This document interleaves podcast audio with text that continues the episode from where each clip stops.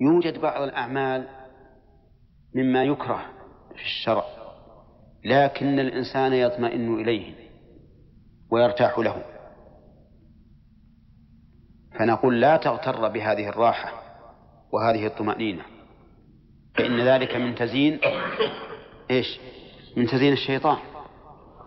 عباد الأصنام الذين جعلوها شفعاء لهم عند الله يرتاحون لهذا. ويرون أنها واسطة بينهم وبين الله سبحانه وتعالى. ومع ذلك فهي من الشرك. مثال هذا يوجد بعض الناس يغمض عينيه في الصلاة. ويقول إن ذلك أدعى للخشوع. فهذا من تزيين الشيطان. لأن تغميض العين في الصلاة لغير سبب نعم مكروه. وخلاف هدي النبي عليه الصلاة والسلام. النبي عليه الصلاة والسلام كان لا يغمض عينيه ولكنه إما أن ينظر إلى موضع سجوده أو إلى تلقاء وجهه. أما أنه يغمض عينيه فهذا خلاف السنة ولهذا كرهه الفقهاء رحمهم الله. نعم لو كان هناك سبب للتغميض كما لو كان أمامك شيء يجهر عينيك أو نقوش تشغلك فهنا التغميض لسبب لا للتقرب به إلى الله ولكن لدفع ما يشوش عليك ويخل بعبادتك. يوجد أيضا بعض الناس ولا سيما في صلاة التراويح يأخذ المصحف ليتابع الإمام ويقول إن ذلك أخشع لي وهذا من تزيين الشيطان أيضا. لأن هذا يحصل به عدة محاذير.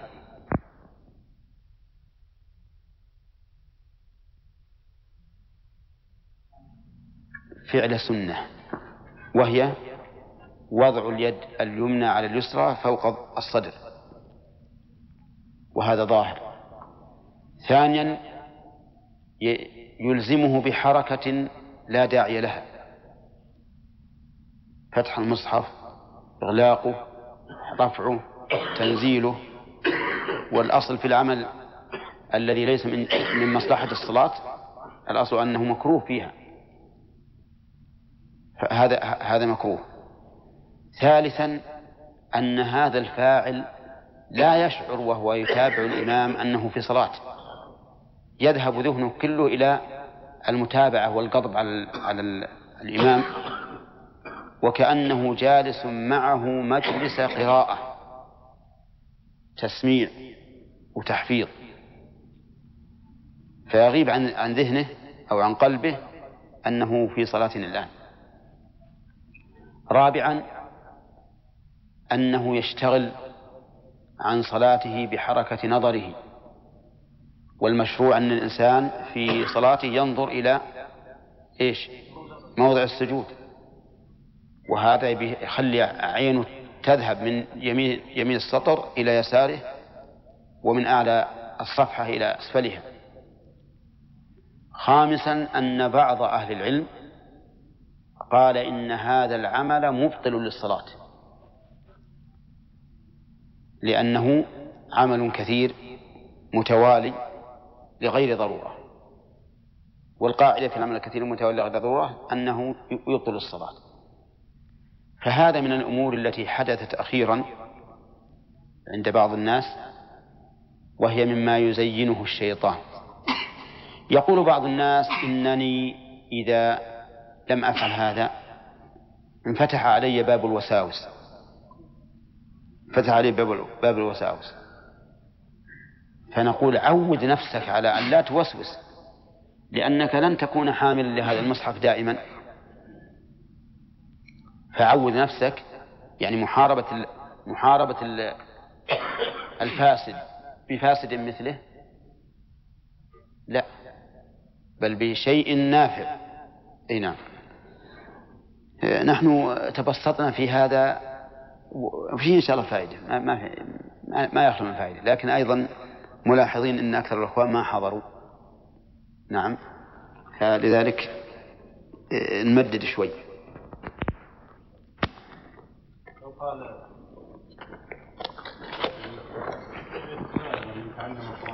ها؟ ليس إيش؟ سائغا. ليس سائغا. كمل. اي نقول ما هذا موضع تعلم القرآن؟ هذا موضع صلاة. تعلم القرآن في محل آخر. ها؟ لا لا لا. يقصد أنا أنا أيضا أقصد المأموم ترى. أقصد المأموم.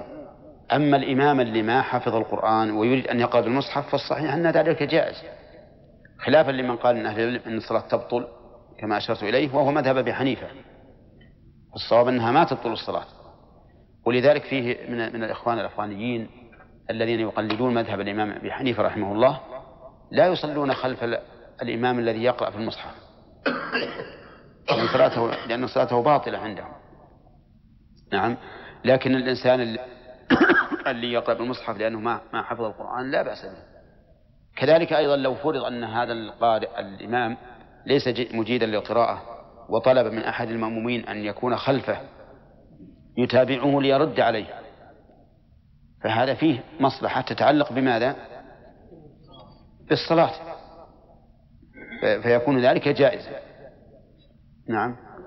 في سورة البقرة وهي فلا تجعلوا الله عرضة فقلت أصح ما فيها نعم.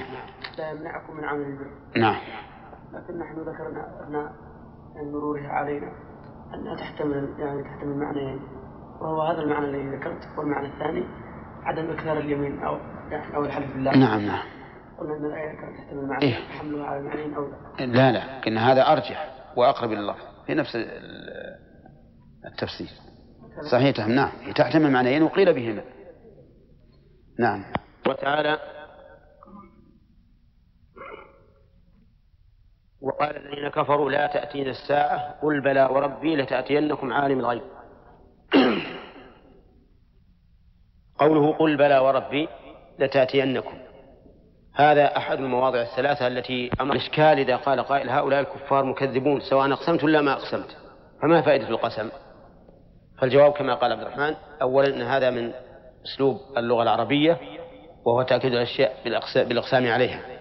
والثاني فيه دليل على تأكد المخبر وإصراره على ما أخبر به وأنه حق.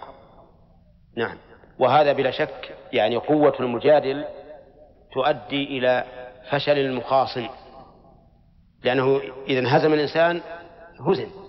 لكن إذا صمم وبقي على ما هو عليه فإنه يكون قوي الشوكة. الثالث يا عبد الله؟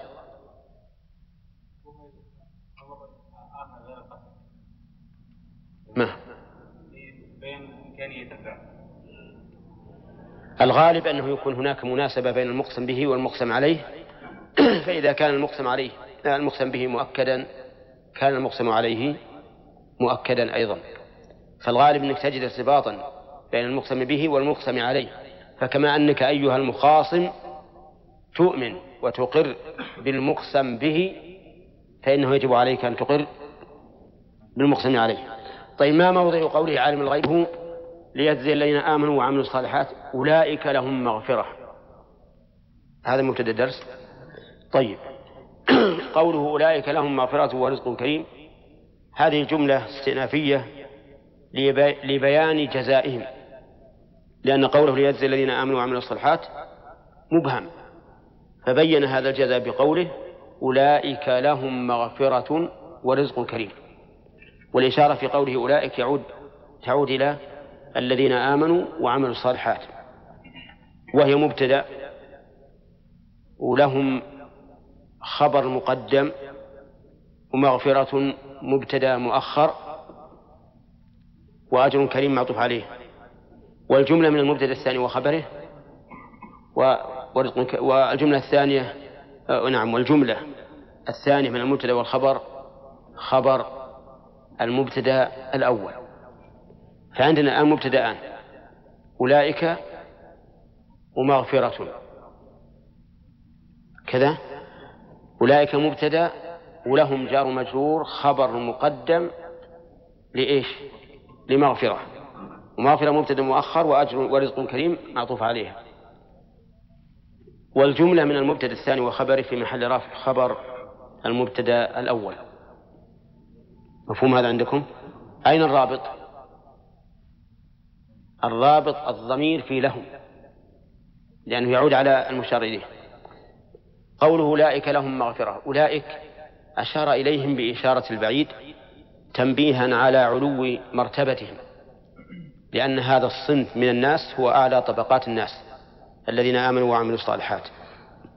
وقوله مغفرة بها زوال المكروه ورزق كريم به حصول المطلوب فلهم مغفرة لذنوبهم وخطاياهم. فيغفر الله لهم الخطايا والذنوب بأن يتجاوز عنهم ويسترها عليهم لأن المغفرة هي ستر الذنب والتجاوز عنه إذ أن اشتقاقها من المغفر وهو الذي يلبس على الرأس عند الحرب وفيه فائدتان ستر الرأس ووقايته من السهام. فالمغفرة إذن فيها ستر الذنوب والتجاوز عنها وعدم العقوبة عليها. ورزق كريم الرزق بمعنى العطاء. ومنه قوله تعالى وإذا حضر القسمة أولو القربى واليتامى والمساكين فارزقوهم منه أي أعطوه والكريم بمعنى الحسن الحسن في كيفيته وفي كميته. وقد أشار الله تعالى إلى أن حسن هذا هذا الرزق لا تبلغه العقول.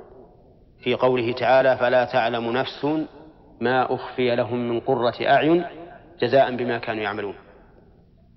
فثواب هؤلاء المؤمنين العاملين الصالحات ثوابهم أن تكف أن تغفر سيئاتهم وأن يجازون على عملهم الصالح في الرزق الكريم. قلت كريم إنه حسن في إيش؟ كميته وكيفيته.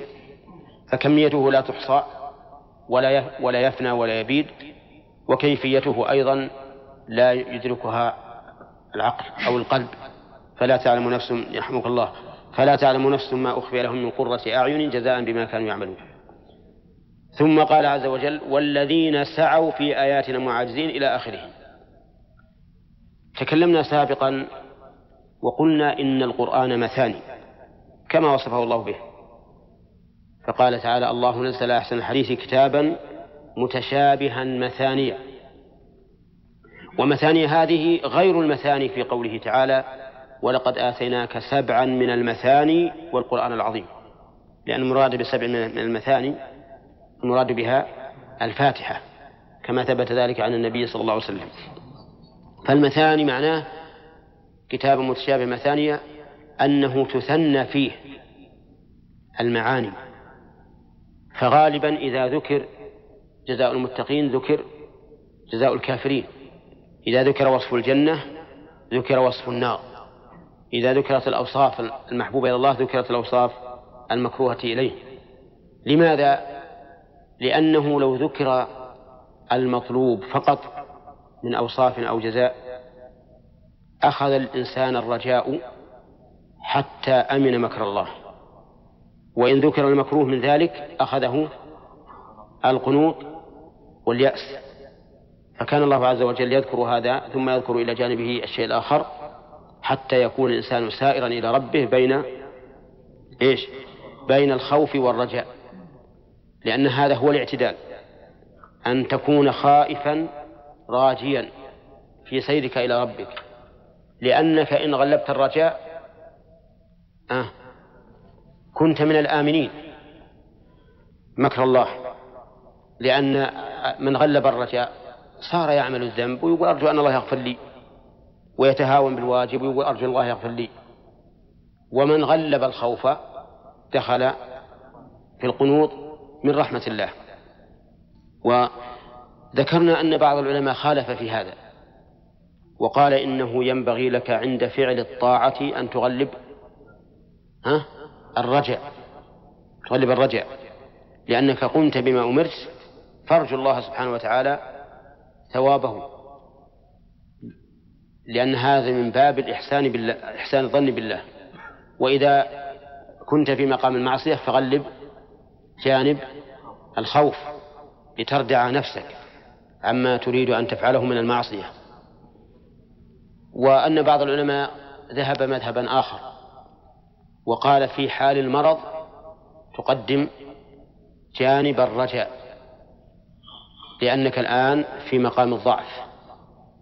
فتغلب جانب الرجاء وإحسان الظن بالله عز وجل. فلا تموتن إلا وأنت تحسن الظن بربك سبحانه وتعالى. وإذا كنت في حال الصحة فغلب جانب الخوف. والإمام أحمد رحمه الله قال ينبغي أن يكون خوفه ورجاؤه واحدا. فأيهما غلب هلك صاحبه والإنسان طبيب نفسه في الواقع لا شك أنك إذا رأيت نفسك تميل إلى الباطل فإنه يجب عليك أن تخوفها بالله عز وجل لا. لا. لا لا ترجها لأنك إن, رج... إن رجيتها في هذه الحال ماذا تصنع؟ تقدم على المعاصي إي نعم يقول والذين سعوا في آياتنا معاجزين أولئك لهم عذاب من رجز أليم. سعوا في آياتنا. قال المؤلف في إبطال آياتنا القرآن. فجعل في الآية محذوفا تقديره في إبطالها. ومعنى سعوا أي مشوا بشدة هذا في الأصل. ومنه السعي أي الركض. فالمراد أن هؤلاء يسابقون ويتسارعون إلى إبطال آيات الله سبحانه وتعالى. إبطالها بالنسبة لهم لا يقومون بها وإبطالها بالنسبة لغيرهم يصدون الناس عن دين الله. قال الله تعالى إن الذين كفروا ويصدون عن سبيل الله والمسجد الحرام. فهؤلاء سعوا غاية السعي في آيات الله عز وجل لإبطالها وإخفاقها. وقول سعوا في آياتنا لم يبين بماذا سعوا. لأن هؤلاء يسعون في إبطال آيات الله أحيانا بالصراع المسلح. يعني يهاجمون الديار ويقاتلونهم حتى يردوهم عن دينهم. وأحيانا بالسلاح الفكري. فيبثون فيهم الشبهات. يبثون فيهم الشبهات في دينهم في نبيهم في ربهم ما استطاعوا إلى ذلك سبيلا.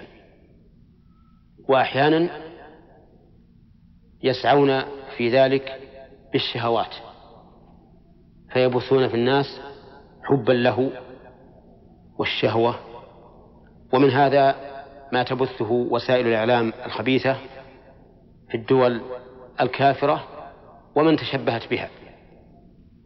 فتجدهم يدعون إلى أسافل الأخلاق. يدعون بالقلم وبالصورة. ويصورون النساء الفاتنات وعلى صفة مزرية والعياذ بالله. ويكتبون أيضا بالدعوة إلى ذلك. هذا الأمر هل تظنون أنه يمس العقيدة أو لا أو للبدن فقط؟ ها؟ يمس العقيدة في الواقع. لأن الإنسان إذا أصبح بهيميا ليس له إلا إشباع بطنه وإشباع غريزته فإنه يبقى لا صلة له بالله عز وجل. ولا يكون له صلة. أهم شيء عنده هذا الذي انغمس فيه من الشهوات واللهوات. فتجده يعرض عن عن دين الله ولا يهتم به.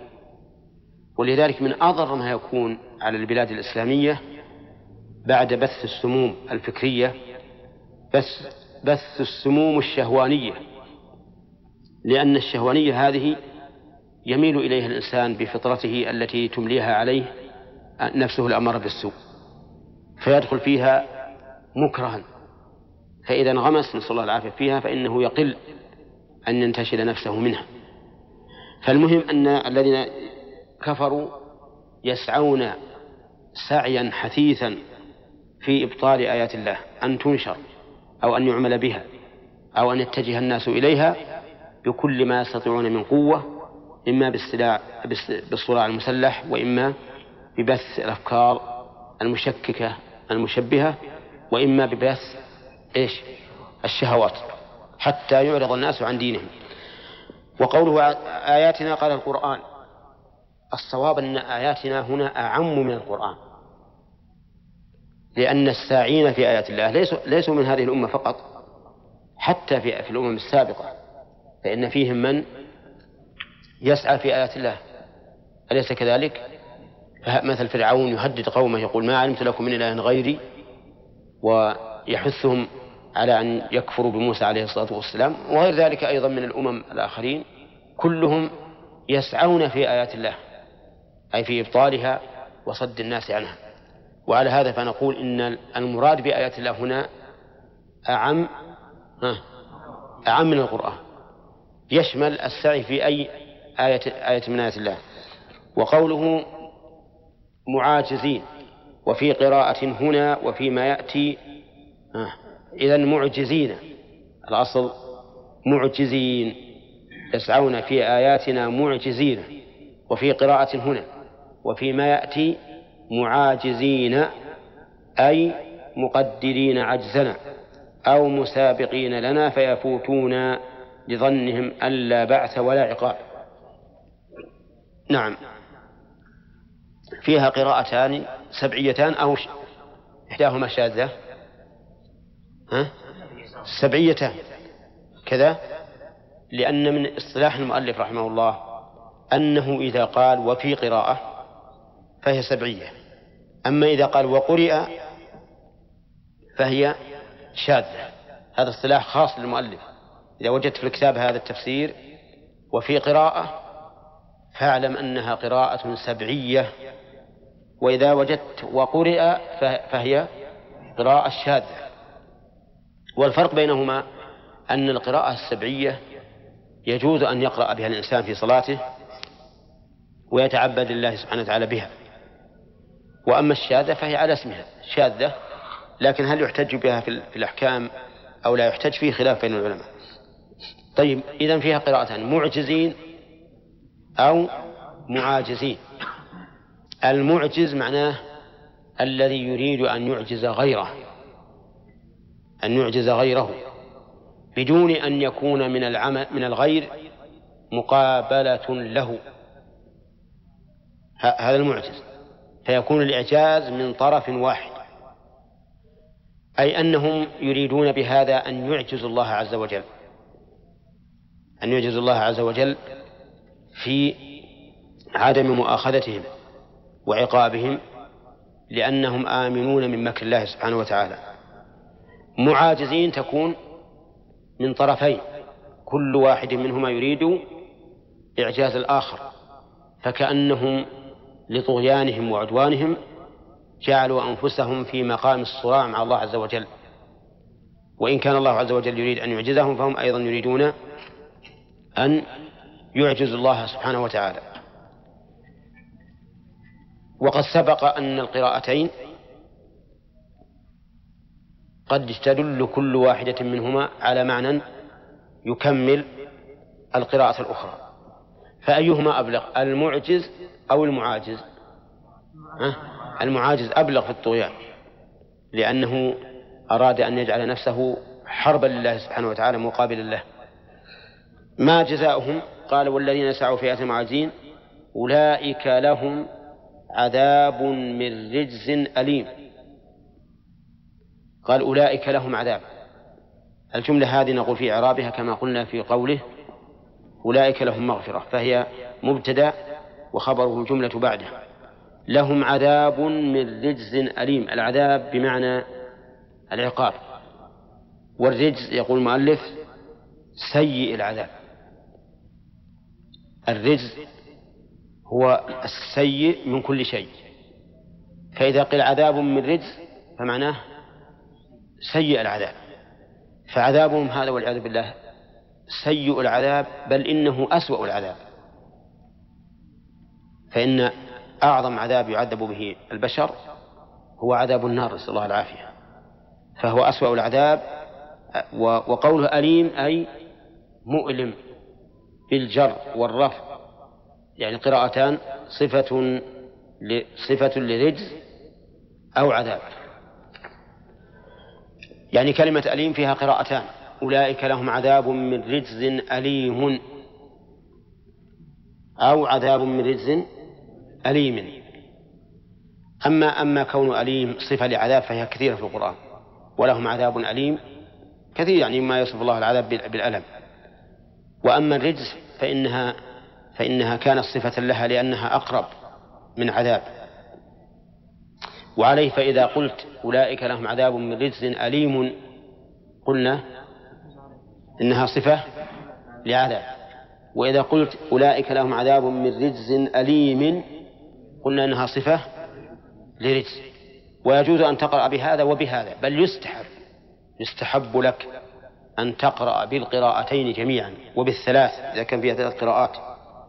لأن اختلاف القراءات كاختلاف الصفات في العبادات. وقد مر علينا أن الأفضل فيما جاء من العبادات على صفات متعددة الأفضل أن تعمل بهذا مرة وبهذا مرة. حتى تحصل على السنن كلها. وهكذا القراءات. ولكن إياك أن تقرأ وأنت شاك في القراءة. لأنه ما لا يجوز أن نقرأ إلا نحن متيقنون بأن هذه قراءة صحيحة نعم. ثم قال عز وجل ويرى الذين أوتوا العلم الذي أنزل إليك من ربك الحق. يرى هو الحق. نعم. يرى بمعنى يعلم لأن الرؤية تكون بمعنى الرؤية بالعين وتكون الرؤية بالقلب والرؤية بالقلب هي العلم. ورأى بمعنى علم تأتي في القرآن كثير كثيرا مثل قوله تعالى إنهم يرونه بعيدا ونراه قريبا. نراه بمعنى نعلمه. لأنه ليس المعنى نراه بأعيننا إلا أنه لم يقع. وليس المعنى نظنه لأن الله منزه عن الظن. وعلى هذا فيكون نراه بمعنى نعلمه. هنا يرى الذين أوتوا العلم أي يعلم لكنه إذا جاءت يرى بمعنى يعلم دلت على أن العلم في أعلى مقامات العلم وأنه صار كالمشاهد بالعين. يرى رؤيا بالغة كالذي يشاهد وقولها الذين أوتوا العلم أي أعطوه. وهل المراد بهم أهل الكتاب أو هو عام؟ يقول المؤلف الذين أوتوا العلم مؤمنو أهل الكتاب كعبد الله بن سلام وأصحابه. والصواب أنها أنها أعم من ذلك. وأن المراد بالذين أوتوا العلم كل من أعطاهم الله تعالى العلم. فيشمل أهل الكتاب من اليهود والنصارى النجاشي رحمه الله من النصارى. ورأى أن الذي أنزل إلى النبي صلى الله عليه وسلم حق. وعبد الله بن سلام من أحبار اليهود رأى أن الذي أنزل على النبي صلى الله عليه وسلم هو الحق. وكذلك أيضا من آتاه الله علما من هذه الأمة فإنه يرى أن الذي أنزل إلى النبي صلى الله عليه وسلم هو الحق. نعم. بخلاف من من كان جاهلا فإن إيمانه إيمان تقليد وهو إن كان مجزئا عنه لكنه ليس كإيمان الذي آتاه الله العلم. ويدل على أن أن المراد بالذين أوتوا العلم ما هو أعم؟ قوله تعالى شهد الله أنه لا إله إلا هو والملائكة ها وأولو العلم. فالذين أوتوا العلم هم الذين يرون أن ما أنزل إلى الرب إلى النبي صلى الله عليه وسلم هو الحق. وذلك بما آتاهم الله تعالى من العلم الراسخ في قلوبهم. ولهذا تجد عبادة العام يعبد الله سبحانه وتعالى عبادة عبادة يعني أشبه ما تكون بالعادة. وإن كان يرى في قلبه الإنابة والخشوع والاستحضار لكنه ليس كالذي يعبد الله تعالى على بصيرة وعلى علم لأن في قلب هذا من اليقين ما ليس في قلب الأول فيكون عاما يرى الذين أوتوا العلم الذي أنزل إليك من ربك هو الحق إذا كانت يرى علمية فإن يرى فإنها تنصب مفعولين أين المفعول الأول؟ ها؟ لا. لا. الذي وين الذي؟ الذي أنزل. اسم الموصول. وهو الحق. الحق هو المفعول الثاني. واضح؟ أما الذين الأولى فهي فاعل. طيب. قول الذي أنزل إليك من ربك. يعني القرآن. فإن الله تعالى أنزله إلى النبي صلى الله عليه وسلم بواسطة جبريل. وقوله من ربك. هنا أضاف الربوبية إلى النبي صلى الله عليه وسلم لأن الوحي ربوبية خاصة.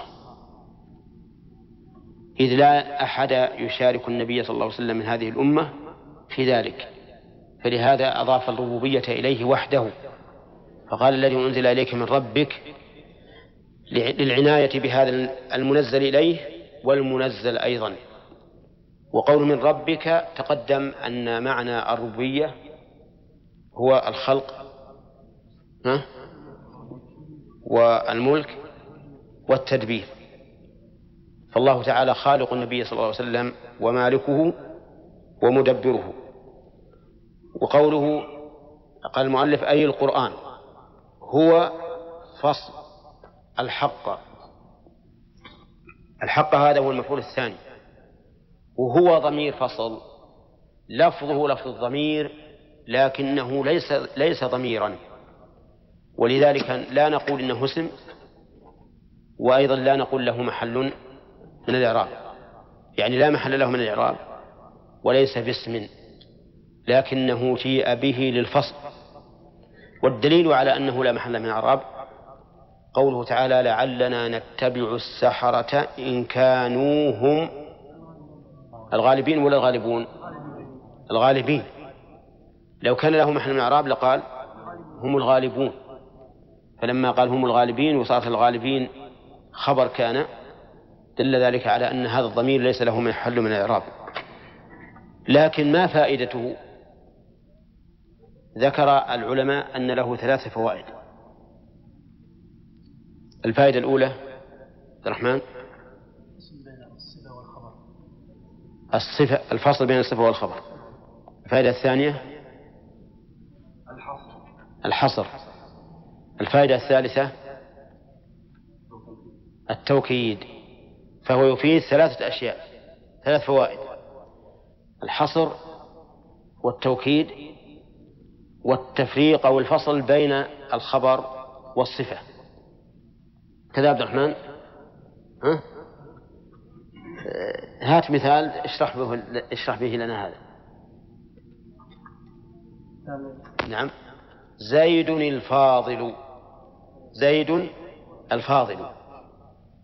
كلمة الفاضل أيضا هنا يحتمل أنها صفة لزيد وأن الخبر لم يأتي. فيكون الإنسان الآن مترقب للخبر.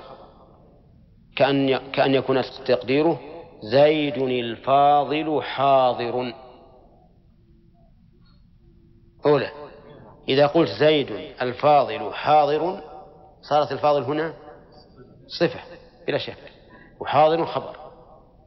فإذا قلت زيد الفاضل بس فقط يحتمل أنك تريد أن تخبر بأن زيدا فاضل ويحتمل أن تريد بأن ويحتمل أنك تريد أن تصف زيدا بأنه فاضل والخبر لم يأتي أليس كذلك؟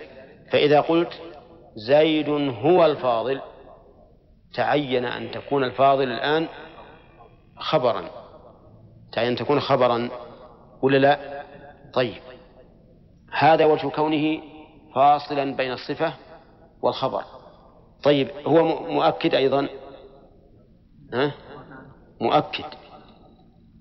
لأنك إذا قلت زيد الفاضل وزيد هو الفاضل هذه أوكد. نعم؟ هذه أوكد بلا شك. كذلك أيضا مفيد للحصر لأنك إذا قلت زيد هو الفاضل معناه لا غيره.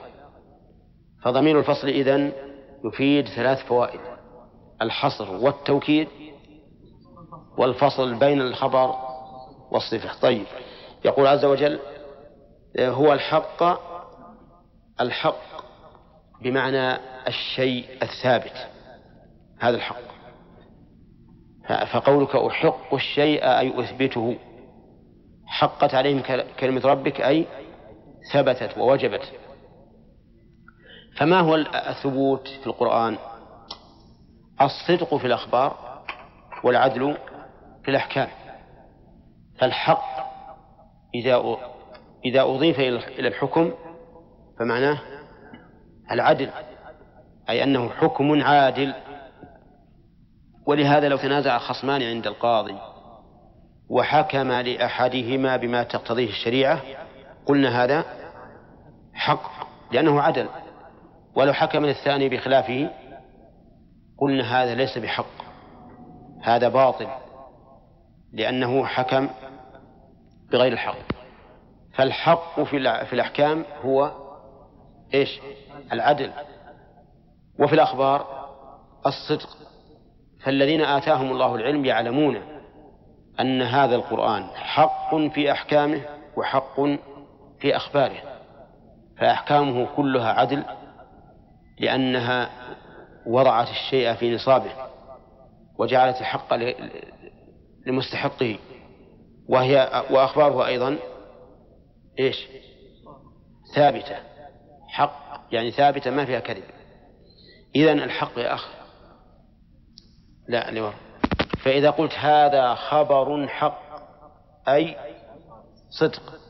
هذا حكم حق أي عدل. ولهذا قال الله تعالى وتمت كلمة ربك صدقا وعدلا. قال العلماء صدقا في الأخبار وعدلا في الأحكام. نعم. هو الحق ومع ذلك ويهدي إلى صراط طريق العزيز الحميد أي الله ذو العزة المحمود. يهدي بمعنى يدل. يهدي بمعنى يدل. فالهداية هنا هداية دلالة وإرشاد. والهداية نوعان هداية توفيق وهداية دلالة. أما هداية التوفيق فلا يملكها إلا الله عز وجل. قال الله تعالى لنبيه محمد صلى الله عليه وسلم إنك لا تهدي من أحببت. وأما هداية الدلالة فثابتة لكل ما يكون به الإرشاد والدلالة. فالقرآن يهدي إلى صراط مستقيم والنبي صلى الله عليه وسلم يهدي إلى صراط مستقيم. عرفتم؟ طيب هنا و ويهدي إلى صراط. أي؟ ها؟ لا وش معنى يهدي؟ أي يدل. وقوله إلى صراط العزيز الحميد يعني الله. وهنا قال صراط العزيز الحميد. كما قال تعالى في سورة إبراهيم لتخرج الناس من الظلمات إلى النور بإذن ربهم إلى صراط العزيز الحميد. فأضافه إلى هذا الاسم العظيم وهو العزة وهو الدال على العزة إشارة إلى أن من تمسك بهذا الصراط كانت له العزة. الحميد أيضا إشارة إلى أن من لزم هذا الصراط كان في مقام محمود. أما العزيز الذي هو اسم الله فإن العزيز من له العزة. والله تعالى له العزة جميعا. قل لله العزة جميعا. العزة التي وصف الله بها تتضمن ثلاثة معاني. عزة القدر وعزة القهر وعزة الامتناع. انتبه. العزة التي يتصف الله بها تتضمن ثلاثة معاني عزة القدر والقهر والامتناع. أما عزة القدر فمعناها أن الله تعالى ذو قدر عظيم. ذو قدر عظيم. وأما عزة القهر فمعناها أن الله ذو قهر عظيم وغلبة. لا يغلبه أحد. وأما عزة الامتناع فمعناه أن الله عز وجل يمتنع عليه النقص بوجه من الوجوه. يمتنع عليه النقص بوجه من وجوه لا يمكن أن يناله نقص أبدا. هذه العزة المضافة إلى من؟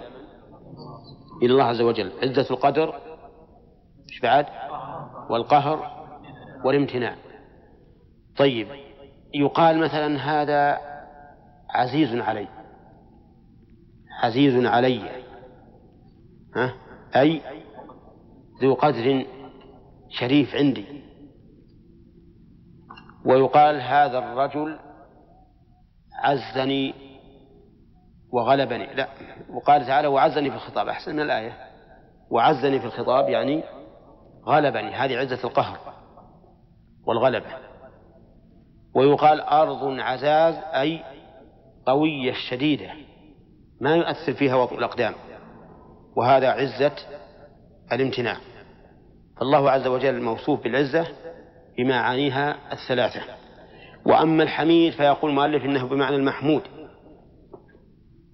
وصحيح أن فعيل تأتي بمعنى مفعول. ومنه قولهم قتيل بمعنى مقتول جريح بمعنى مجروح. لكنها تأتي بمعنى الفاعل أيضا.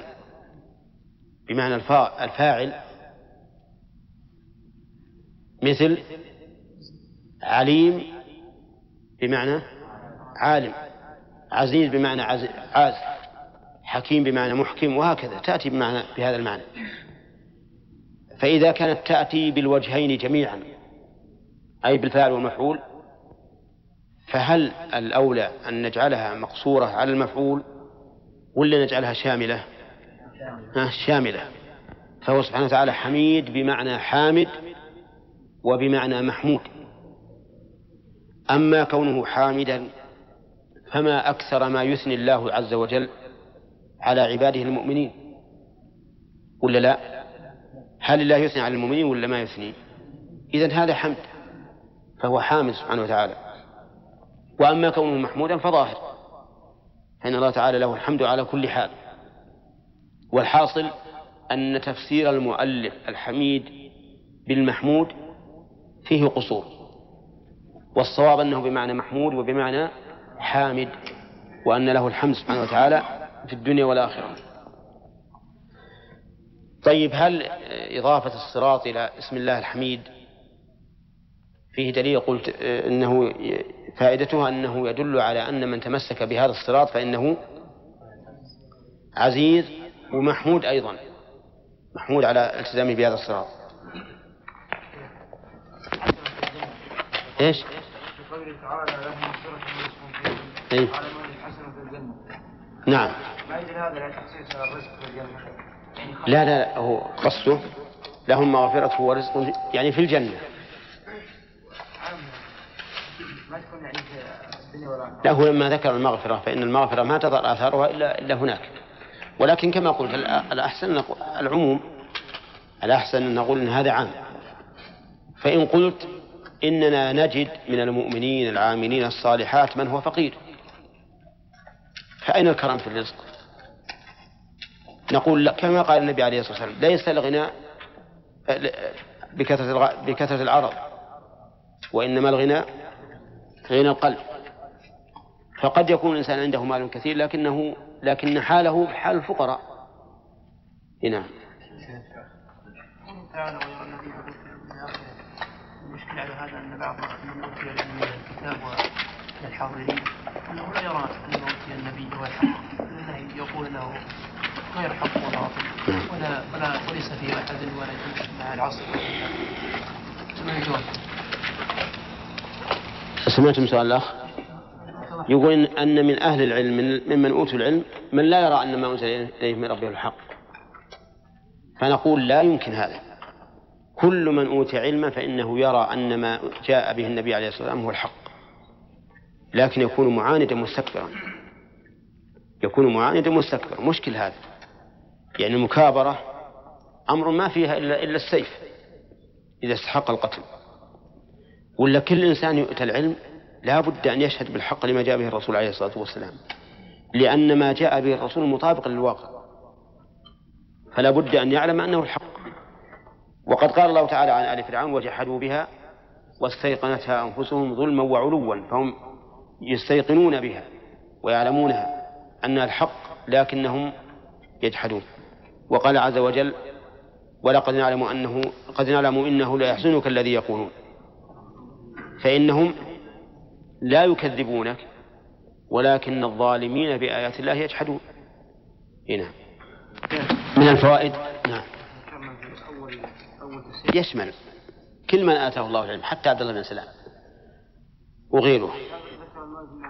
لكن هذا ما هو صحيح. من الجائز أن تنزل الآية قبل أن يحدث الواقع. طيب استمع يا أخي.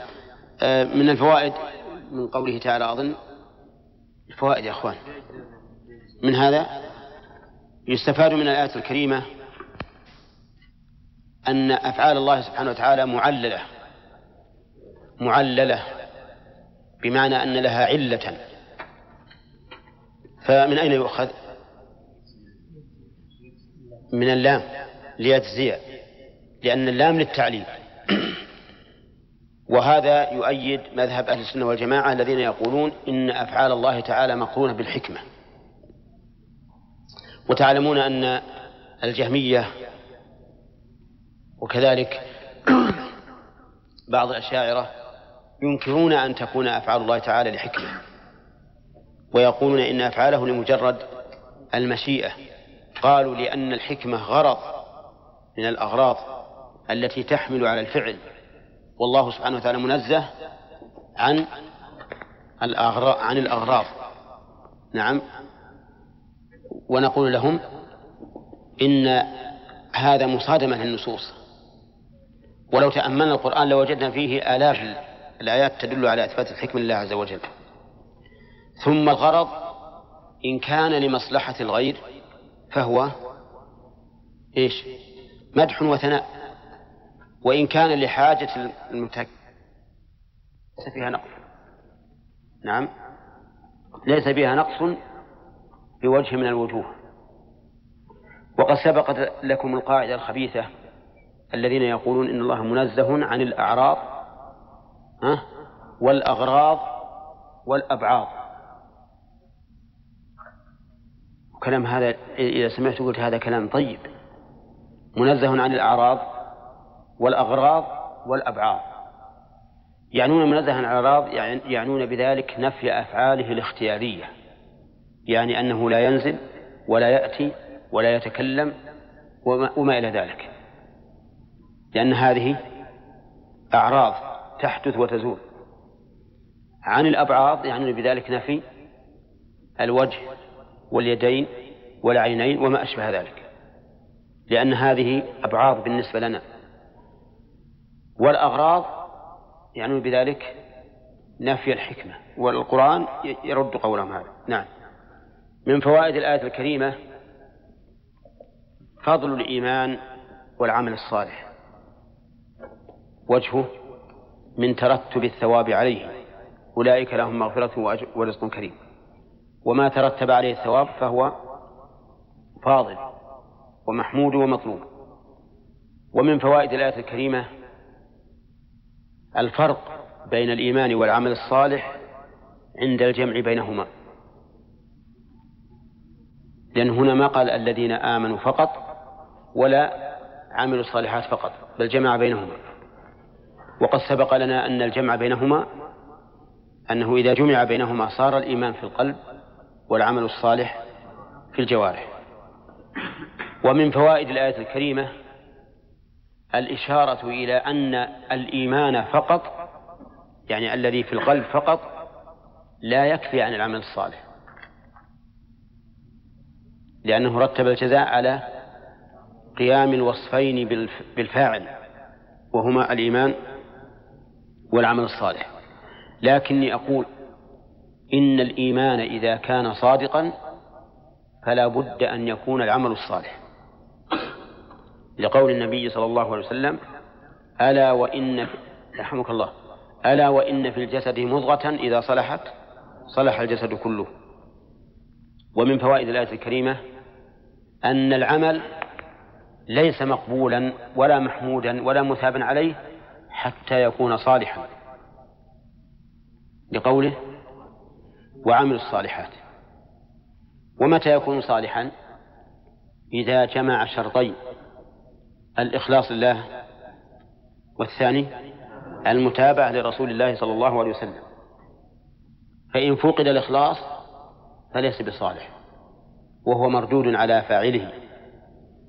قال الله تعالى أنا أغنى الشركاء عن الشرك من عمل عملا أشرك فيه معي غيري تركته وشركه. وإن فقد المتابعة فهو أيضا مردود غير مقبول لقول النبي صلى الله عليه وسلم من عمل عملا ليس عليه أمرنا فهو رد. ولا تتحقق المتابعة إلا بشروط ستة.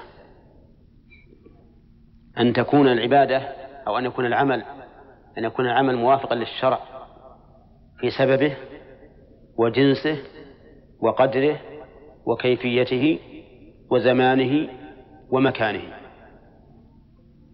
مفهوم؟ لا تتحقق المتابعة حتى يكون العمل موافقا للشرع في الأمور الستة. ما هي؟ بسببه وجنسه وقدره وكيفيته وزمانه ومكانه. تمام؟ طيب. فلو أحدث الإنسان عبادة لسبب غير شرعي فهي مردودة. لو قال كلما سمعت نباح الكلاب صليت ركعتين.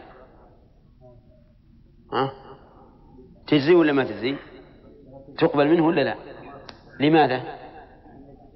لأنه علقها بسبب لم يكن مشروعا لم تكن مشروعة من أجله فلا تقبل. طيب لو أن أحدا من الناس ضحى بفرس فرس أنثى الخيل قال أنا عندي شاة تساوي مئة ريال وعندي فرس تساوي عشرين ألف ريال. أبى أضحي بالفرس. تقبل؟ ليش؟ لأنه مخالف للشرع في الجنس. الأضحية ما تكون إلا من بهيمة الآن لو أن أحدا تعبد لله عز وجل بعبادة محددة بقدر معين فزاد في قدرها. كما لو صلى ست صلوات. قال إن المدة بين العشاء والفجر طويلة تحتاج إلى زيادة الصلاة. والمدة بين الفجر والظهر طويلة تحتاج إلى زيادة الصلاة. بيصلي سبع مرات. ما تقولون؟ ليش؟ القدرية القدرة. أو لو صلى خمسا في الرباعية أو ثلاثا في الثنائية فإنها لا تقبل. طيب لو قال قائل إذا سبح الرجل دبر الصلاة مئتي مرة فهل ترفضون هذا التسبيح كله أو تقولون ما وافق الشرع فهو مقبول وما زاد عليه فهو مردود ها؟ نقول إذا كانت العبادة التي حصل فيها الزيادة تتجزأ بمعنى أنه يصح أولها دون آخرها؟ نعم. فإننا لا نبطل أولها بما طرأ عليها. أما إذا كانت لا تتجزأ فإنها إذا بطل آخرها بطل أولها. فلو صلى الظهر خمسا بطلت صلاته. لأنها لا يمكن أن يصح آخر أولها مع فساد آخرها. لكن في زيادة العدد لا نبطل العدد الأول لكننا نقول لهذا الرجل إن كنت تعتقد أن المئتين هي المشروعة فأنت ضال لأنك مبتدع. وإن كنت تريد أن أن تقول أنا أعرف أعترف أن المشروع مئة ولكن زدت على أنه تطوع فهذا يكتب لك أجر التسبيح المطلق لا المقيد طيب في كيفيتها؟ لو أن أحدا صلى وصار يسجد ثم يركع ثم يسجد. ما تقولون؟ ليش؟ اختلاف الكيفية. اختلاف الكيفية. طيب في الزمن لو أن أحدا قال أنا سوف أحج في ذي القعدة أخرج إلى منى في. في ليلة التاسع من ذي القعدة وأبيت فيها وفي التاسع أذهب إلى عرفة وأقف. نعم إلى آخر كمل أفعال الحج. في ذي القعدة لماذا؟ قال لأن ما عندي أحد يضايقني. وش تقول في هذا؟ ليش؟ لأنها لم توافق الشرع في الزمن. لم توافق الشرع في الزمن. يقال إن رجلا بدويا كان يبيع في في المواشي في في الأضاحي يأتي بها يجلبها للسوق. وهو ما ما أدى الفريضة. فقيل له لماذا لم تؤدي الفريضة؟ قال الفريضة تأتي في وقت الموسم وأنا ما أحب. ولكنني سأذهب إلى الشيخ أسأله هل يجوز أني أحج في عيد رمضان؟ فذهب إلى الشيخ يستأذنه. يقول أستأذنك يا شيخ أنك تسمح لي أن أحج في عيد رمضان بدل عيد الضحية لأن عيد الضحية فيه موسم لنا. فقال له الشيخ إن أذنت لك أن تحج فإني آذن لك أن تضحي. وحينئذ يكون الموسم تابعا. ليش؟ للحج ما يتخلص منه. فأقول إن هذا الذي حج في ذي القعدة حتى لو وافق التاسع والعاشر والحادي عشر والثاني عشر والثالث عشر فإنها لا تقبل. لماذا؟ لاختلاف الزمان نعم لمخالفتها في الزمن رجل في العشر الأواخر من رمضان. قال سأعتكف في بيتي. سأعتكف في بيتي. ما أنا للمسجد أتعب في تحصيل الطعام والشراب ويمكن يجي أحد يلهيني عن ذكر الله أبقى أقعد في البيت. هل يقبل اعتكافه؟ ليش؟ نعم لأنه مخالف للشرع في المكان. فتبين الآن أن تحقيق المتابعة لا يكون إلا إذا وافق العمل الشريعة في الأمور الستة. طيب. ومن فوائد الآية الكريمة علو مرتبة المؤمنين العاملين الصالحات. لقوله أولئك لأن الإشارة هنا للبعيد وذلك لعلو مرتبتهم. مثل قوله تعالى ألف لام ميم. ذلك الكتاب مع أن الكتاب بين أيدينا لكن أشار إليه إشارة البعيد لعلو مرتبته. طيب ومن فوائد الآية الكريمة أن في الإيمان والعمل الصالح حصول المطلوب وزوال المكروه. بقوله أولئك لهم مغفرة هذا زوال المكروه ورزق كريم هذا حصول المطلوب. واعلم أن الله تعالى إذا غفر لك فتح لك أبواب المعرفة وانشرح صدرك بالإيمان. لأن الذي يوجب ضيق الصدر وتشتت الفكر هو المعاصي. إذا تتلى عليه آياتنا قال أساطير الأولين. شف ما يعرف قدر القرآن. إذا تتلى عليه القرآن يقول أساطير الأولين فلا يعرف قدره. لماذا؟ كلا بل ران على قلوبهم ما كانوا يكسبون.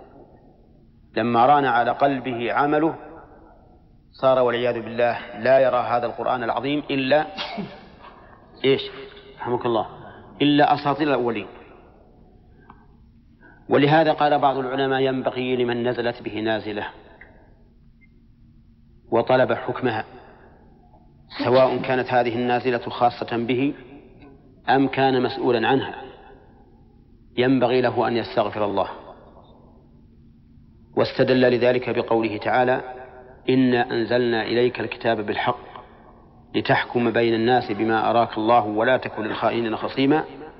إيش بعده؟ واستغفر الله. إن الله كان غفور رحيما. وهذا ليس ببعيد. إذا من فوائد الإيمان والعمل الصالح حصول المطلوب والنجاة من المرهوب. من فوائد الآية الكريمة أيضا أن رزق الجنة رزق كريم أي واسع كثير دائم حسن. ويدل لذلك قوله تعالى فلا تعلم نفس ما أخفي لهم من قرة أعين جزاء بما كانوا يعملون. وقوله تعالى وفاكهة كثيرة لا مقطوعة ولا ممنوعة. ومن فوائد ثم قال عز وجل والذين سعوا في آياتنا معاجزين أولئك لهم عذاب من رجز أليم. يستفاد من هذه الآية تحقق ما وصف الله به القرآن من أنه إيش؟ لا من أنه مثاني. إذا ذكر فيه المعنى ذكر ما يقابله. وإذا ذكر فيه العامل ذكر من, يقابله. ويستفاد منها أيضا الحكمة في الخطاب وأن أنه ينبغي في الخطاب أن يكون جامعا بين أسباب الخوف وأسباب الرجاء لماذا يا فهد؟ لماذا؟ ليكون جامعا ولأنه إذا ذكر الخوف فقط فقد يستولي على القلب ها؟ القنوط من رحمة الله. أو الرجاء فقط فقد يستولي عليه الأمن من مكر الله سبحانه وتعالى. ومن فوائد الآية الكريمة أن الكفار يسعون جادين لإبطال آيات الله عز وجل. لقوله والذين سعوا في آياتنا. والسعي كما نعلم كثير نحن أنه هو الجري بشدة هو الجري بشدة. فهؤلاء يسعون جادين لإبطال آيات الله سبحانه وتعالى. ومن فوائدها أيضا أن هؤلاء الكفار كأنما يعاجزون الله ويغالبونه لقوله معاجزين. ومن فوائدها أيضا أن هؤلاء الذين سعوا في آيات الله معجزين يعاقبون بهذا العقاب الأليم. لهم عذاب من رجز أليم. و و وقوله من رجز أي من عذاب سيء مؤلم كما مر علينا. ومن فوائد الآية الكريمة التحذير من سعي الإنسان في إبطال آيات الله. فإذا قلنا على القاعدة التي مرت علينا في قواعد التفسير قبل البارحة أنه إذا نهي عن شيء فهو أمر بضده. فيكون, فيكون تكون هذه الآية متضمنة للحث على السعي في آيات الله عز وجل لتقريرها وتثبيتها. وهو كذلك. فإننا مأمورون بأن نسعى قدر استطاعتنا في تثبيت آيات الله عز وجل ونشرها بين الأمة حتى تقوم الملة. ومن فوائد الآية الكريمة إثبات الجزاء والحكمة فيه.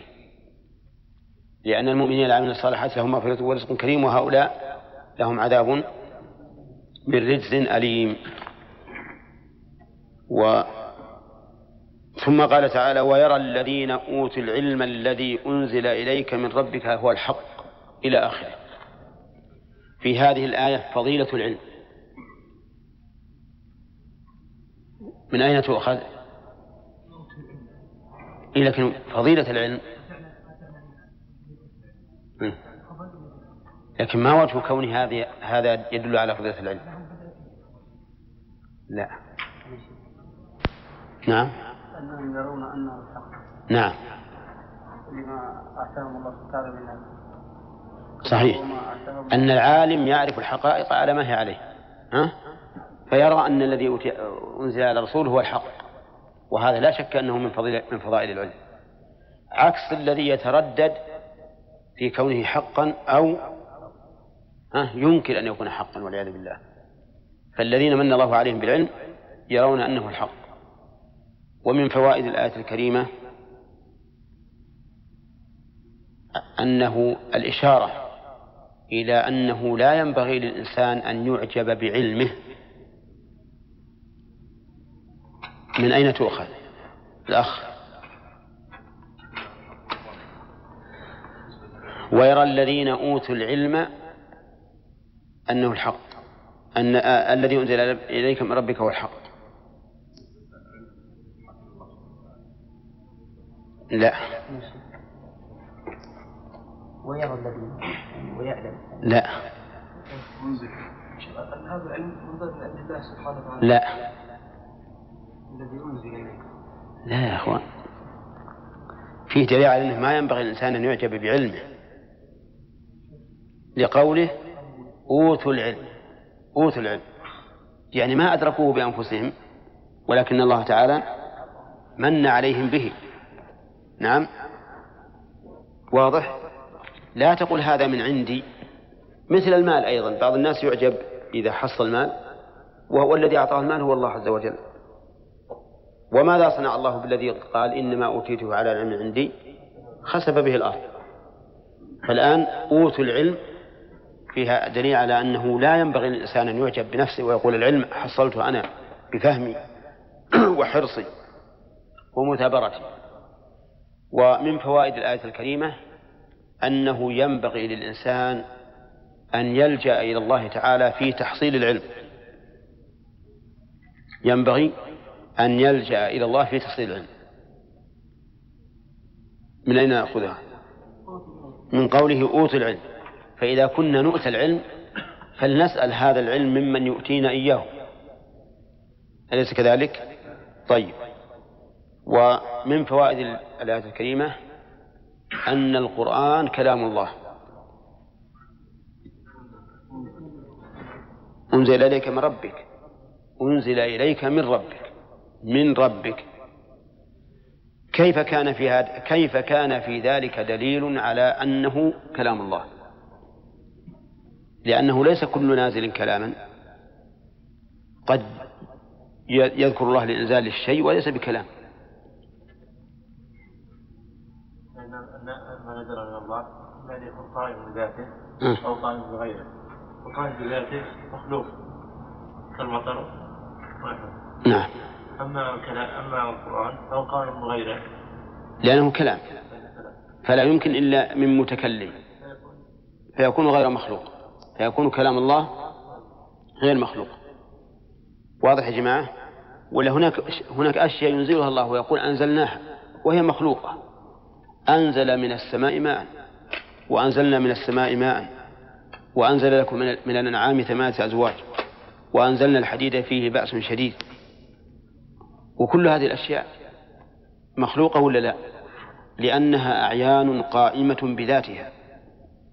بخلاف القول فإن القول لا يكون إلا بقائل.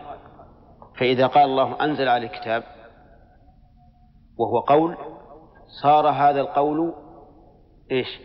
من من كلام الله. ومن فوائد الآية الكريمة فضيلة النبي صلى الله عليه وسلم. من أين تؤخذ؟ من إضافة الربوبية إليه. وهذه الربوبية خاصة. كما مر علينا أيضا في قواعد التفسير. فحينئذ نقول في هذا فضيلة الرسول في فضيلة النبي صلى الله عليه وسلم وفيها من فوائدها عناية الله بالرسول عليه الصلاة والسلام لقوله من ربك من ربك. وفيه بيان فضل الله عليه حيث أنزل عليه الحق. ومن فوائد الآية الكريمة أيضا أن هذا القرآن حق في أخباره وفي أحكامه. والحقية في الأخبار هي الصدق وفي الأحكام العدل. وقد جمع الله ذلك في قوله وتمت كلمة ربك صدقا وعدلا ومن فوائد الآية الكريمة أن القرآن منار وهدى يهتدي به الناس ويستضيئون به.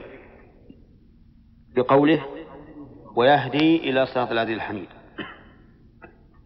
ومن فوائد الآية الكريمة أن من ابتغى الهدى من غيره ضل لأنه إذا كان هو الذي يهدي إلى صراط العزيز الحميد فإذا ابتغيت الهدى من غيره المخالف له فإنك لا تهدى إلى صراط العزيز الحميد. ولهذا لما طلب أهل البدع لما طلبوا الوصول إلى الخالق عن طريق غير القرآن ماذا حصل لهم؟ ضلوا وتاهوا وبقوا متحيرين مضطربين. طيب ومن فوائد الآية الكريمة أن من تمسك بهذا القرآن نال العزة والحمد أي صار عزيزا محمودا. ها يقول إلى صراط العزيز الحميد. ولم يقل إلى صراط الله بل قال العزيز الحميد إشارة إلى أن من تمسك بهذا القرآن فله العزة وله الحمد يحمد على فعله وقوله وتركه. ومن فوائدها إثبات هذين الاسمين لله عز وجل وهما العزيز والحميد. وقلنا إن العزة التي اتصف الله بها سبحانه وتعالى لها ثلاثة أنواع. محمد؟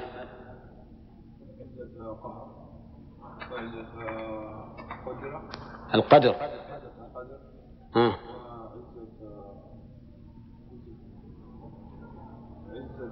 يلا يا محمد ترى إذا ما رجعت نمغط ذانك كل يوم نمغط ذانك عزة الامتناع. عزة الامتناع. صح؟ عزة القدر وعزة القهر وعزة الامتناع. كذا؟ طيب. شرحها. عزة القدر. أن تقول الإنسان هذا إنسان عزيز عليم أي كبير القدر عندي. وأما عزة القهر تقول يقول الله سبحانه وتعالى وعزه بالخطاب عزني وعزني بالخطاب أي طيب. نعم.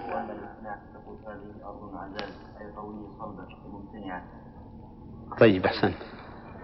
طيب الحميد الحميد آه، من أسماء الله أيضا وهو مشتق من الحمد. فهل هو بمعنى اسم الفاعل أو بمعنى اسم المفعول؟ الأخ. العزة وإثبات الحمد لله. ها؟ في عبارة عند الناس يقول الحمد لله الذي لا يحمد على مكروه سواه. وش تقول في العبارة هذه؟ هذه ما هي ما هي مناسبة لأنه تعلن إعلانا تاما بأنك تكره ما قضى الله. الرسول عليه الصلاة والسلام إذا أصابه أمر يسر به قال الحمد لله الذي بنعمته تتم الصالحات. وإذا أصابه ما يكره قال الحمد لله على كل حال. ولا يذكر شيء مكروه. ولهذا ينبغي لنا أن ننبه من تكلم بهذه العبارة نقول يا أخي ما لا تقول هكذا. هذا يشعر بأنك لم ترضى بقضاء الله. قل الحمد لله على كل حال. الحمد لله على كل حال. واضح؟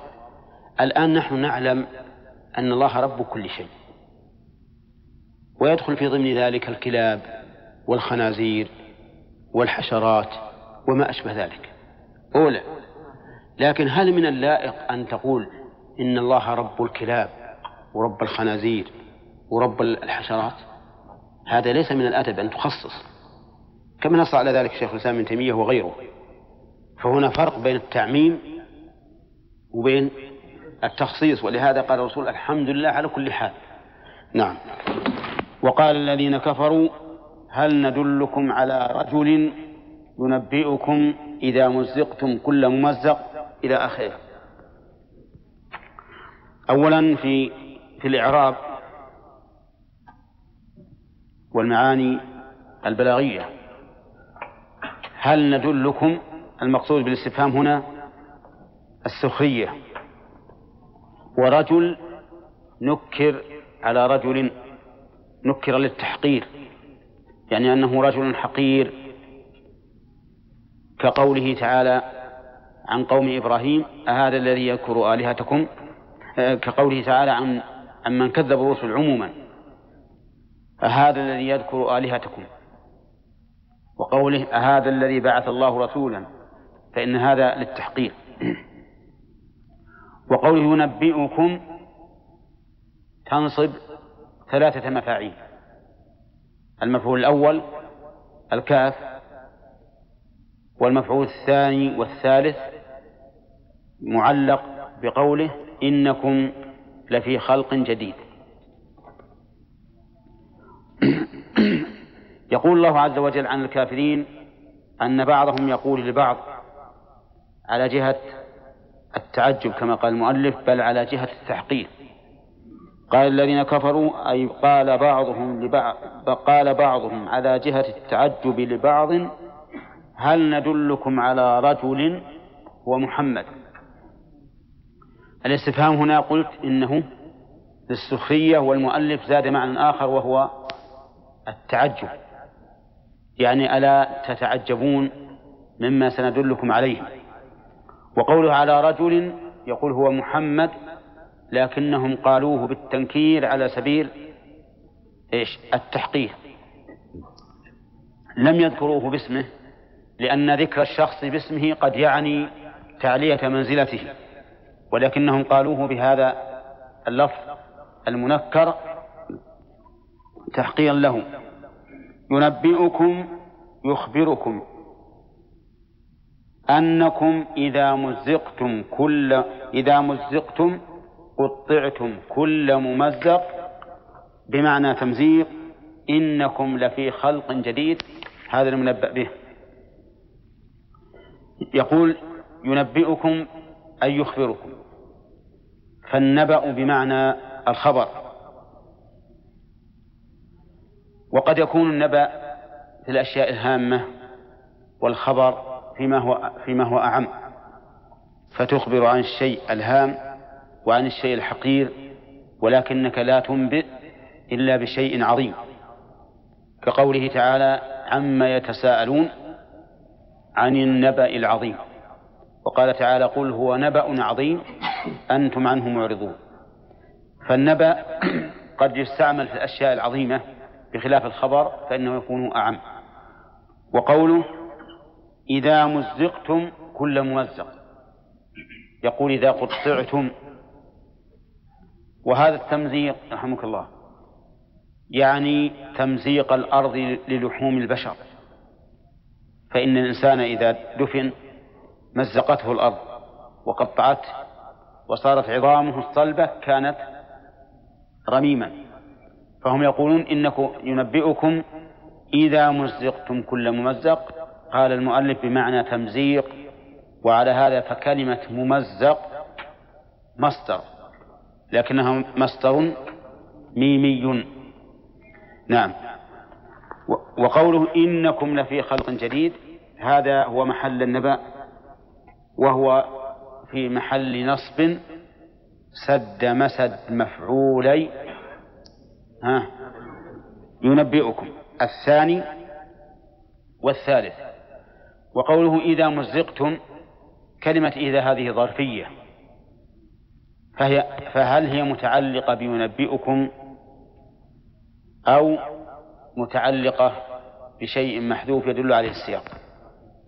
الأخير لأن إنباء الرسول صلى الله عليه وسلم ليس في وقت تمزيقهم ولكن ولكنه أنباهم في الحياة الدنيا. إنما تمزيقهم إذا دفنوا يعني أن أنكم إذا دفنتم ومزقتم تكون في خلق جديد وهذا الخلق الجديد هو البعث. وهل البعث إعادة لما مضى؟ أو ابتداء خلق غير الأول. الصواب أنه إعادة ما مضى كما قال الله تعالى وهو الذي يبدأ الخلق ثم يعيده.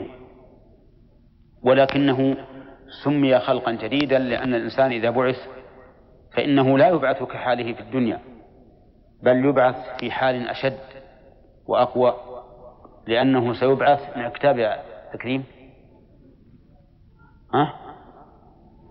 لا لازم تجيب كتاب التفسير لأنه إذا بعث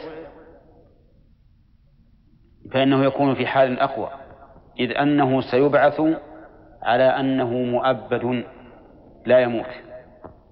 ولهذا يتحمل الناس يوم القيامة من الكرب والهم والغم ما لا يتحملونه في الدنيا.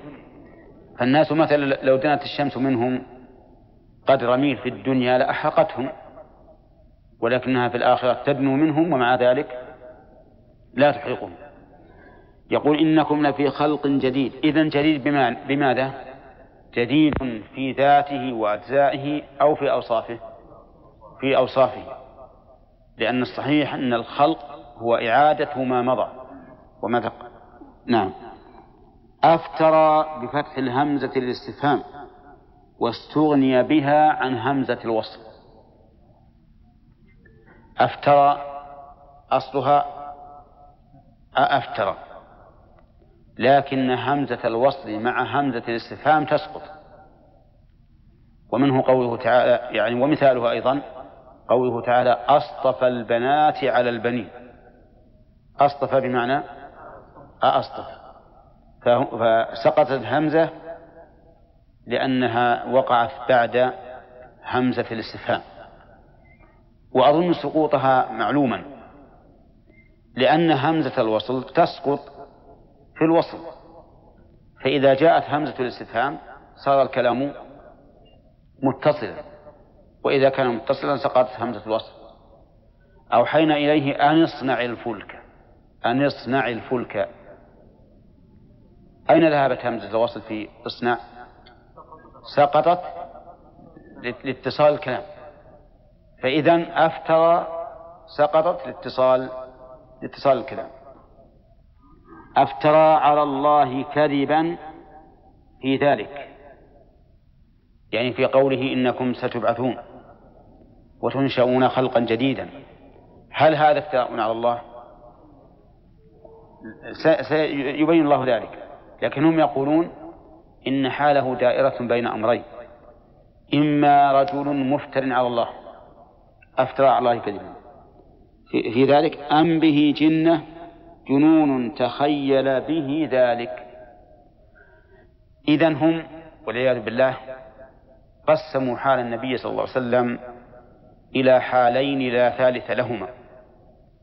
وهما الافتراء على الله والثاني الجنون. أم به جنة أي جنون تخيل له ذلك به. هل هناك حال ثالثة؟ نعم هناك حال ثالثة لكن هم لا يقرون بها وهو أنه صادق عاقل. صادق عاقل. صادق لم يفتري وعاقل ليس به جنة وهذا هو الواقع. لكنهم هم والعياذ بالله أسقطوا هذا القسم الثالث لأنهم لا يقرون به. ومن عجب أن هؤلاء الذين يقولون في الرسول عليه الصلاة والسلام هذا الوصف أنه إما مفتر أو مجنون أو شاعر أو كاهن أو ما أشبه ذلك كانوا يسمونه قبل النبوة بالأمين ويرون أنه من أصدق الناس وأعظمهم أمانة.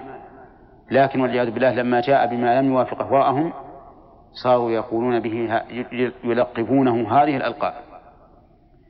و وهذه الألقاب السيئة التي لقب المشركون بها رسول الله صلى الله عليه وسلم موروثة. لمن؟ موروثة ورثها أعداء المؤمنين وأولياء المجرمين. كما قال تعالى إن الذين أجرموا كانوا من الذين آمنوا يضحكون وإذا مروا بهم يتغامزون. فهذه الألقاب السيئة موجودة الآن. كل أعداء الرسل يلقبون أولياء الرسل بما بمثل ما لقب به الرسل.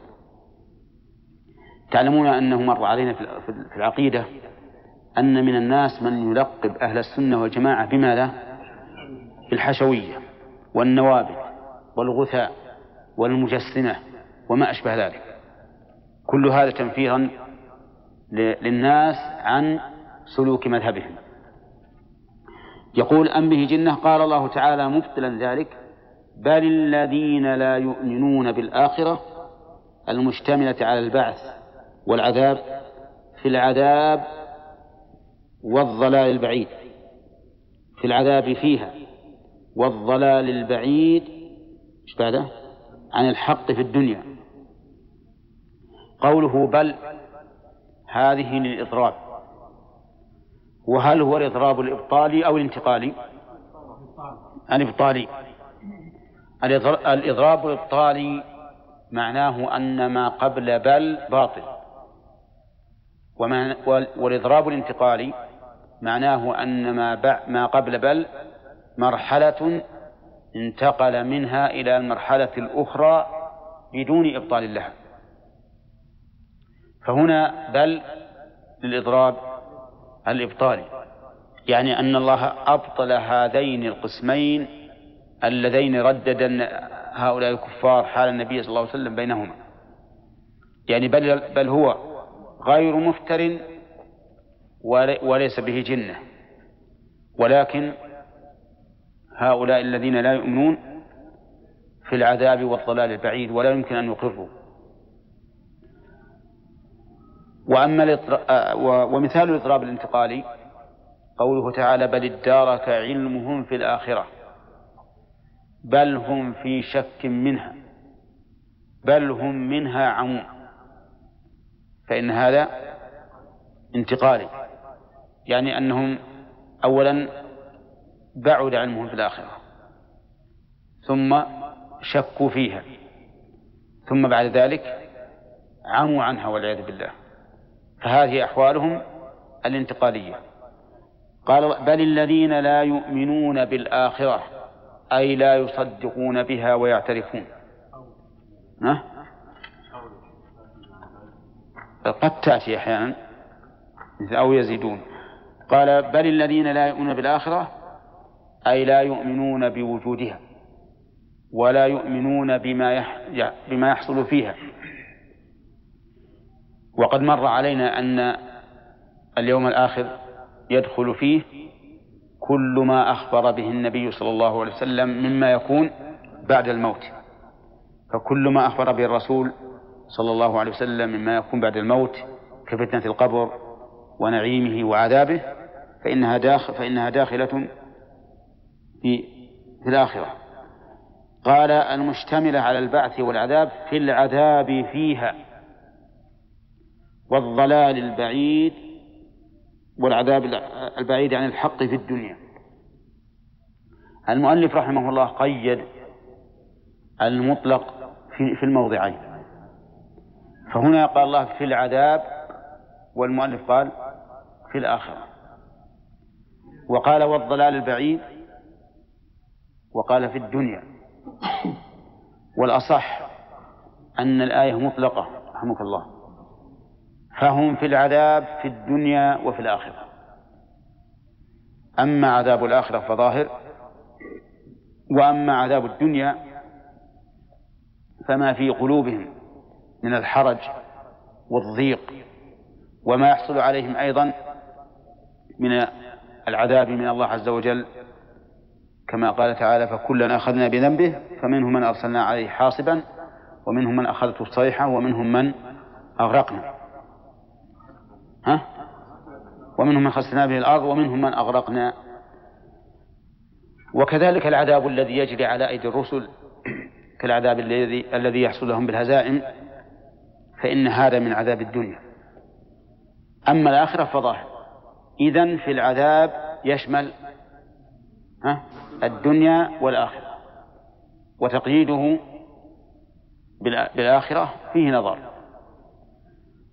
بل إنه ينبغي لنا بل يجب علينا أن لا نقيد شيئا أطلقه الله إلا إلا بدليل من كتاب الله أو سنة رسوله صلى الله عليه وسلم أو أو الإجماع.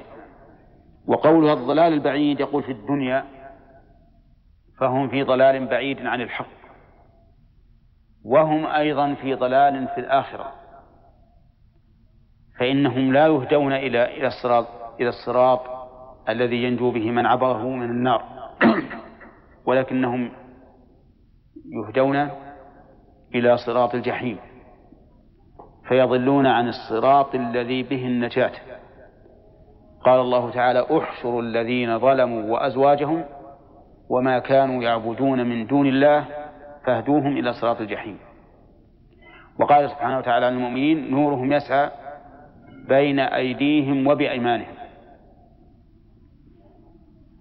فدل ذلك على أن الضلال كما يكون في الدنيا يكون كذلك في الآخرة. فالأولى إذن إبقاء النص على عمومه في الدنيا وفي الآخرة. ثم قال الله تعالى أفلم يروا ينظروا إلى ما بين أيديهم وما خلفهم ما فوقهم وما تحتهم من السماء والأرض إن نشأ نخسف بهم الأرض أو نسقط عليهم كسفا من السماء إلى آخره.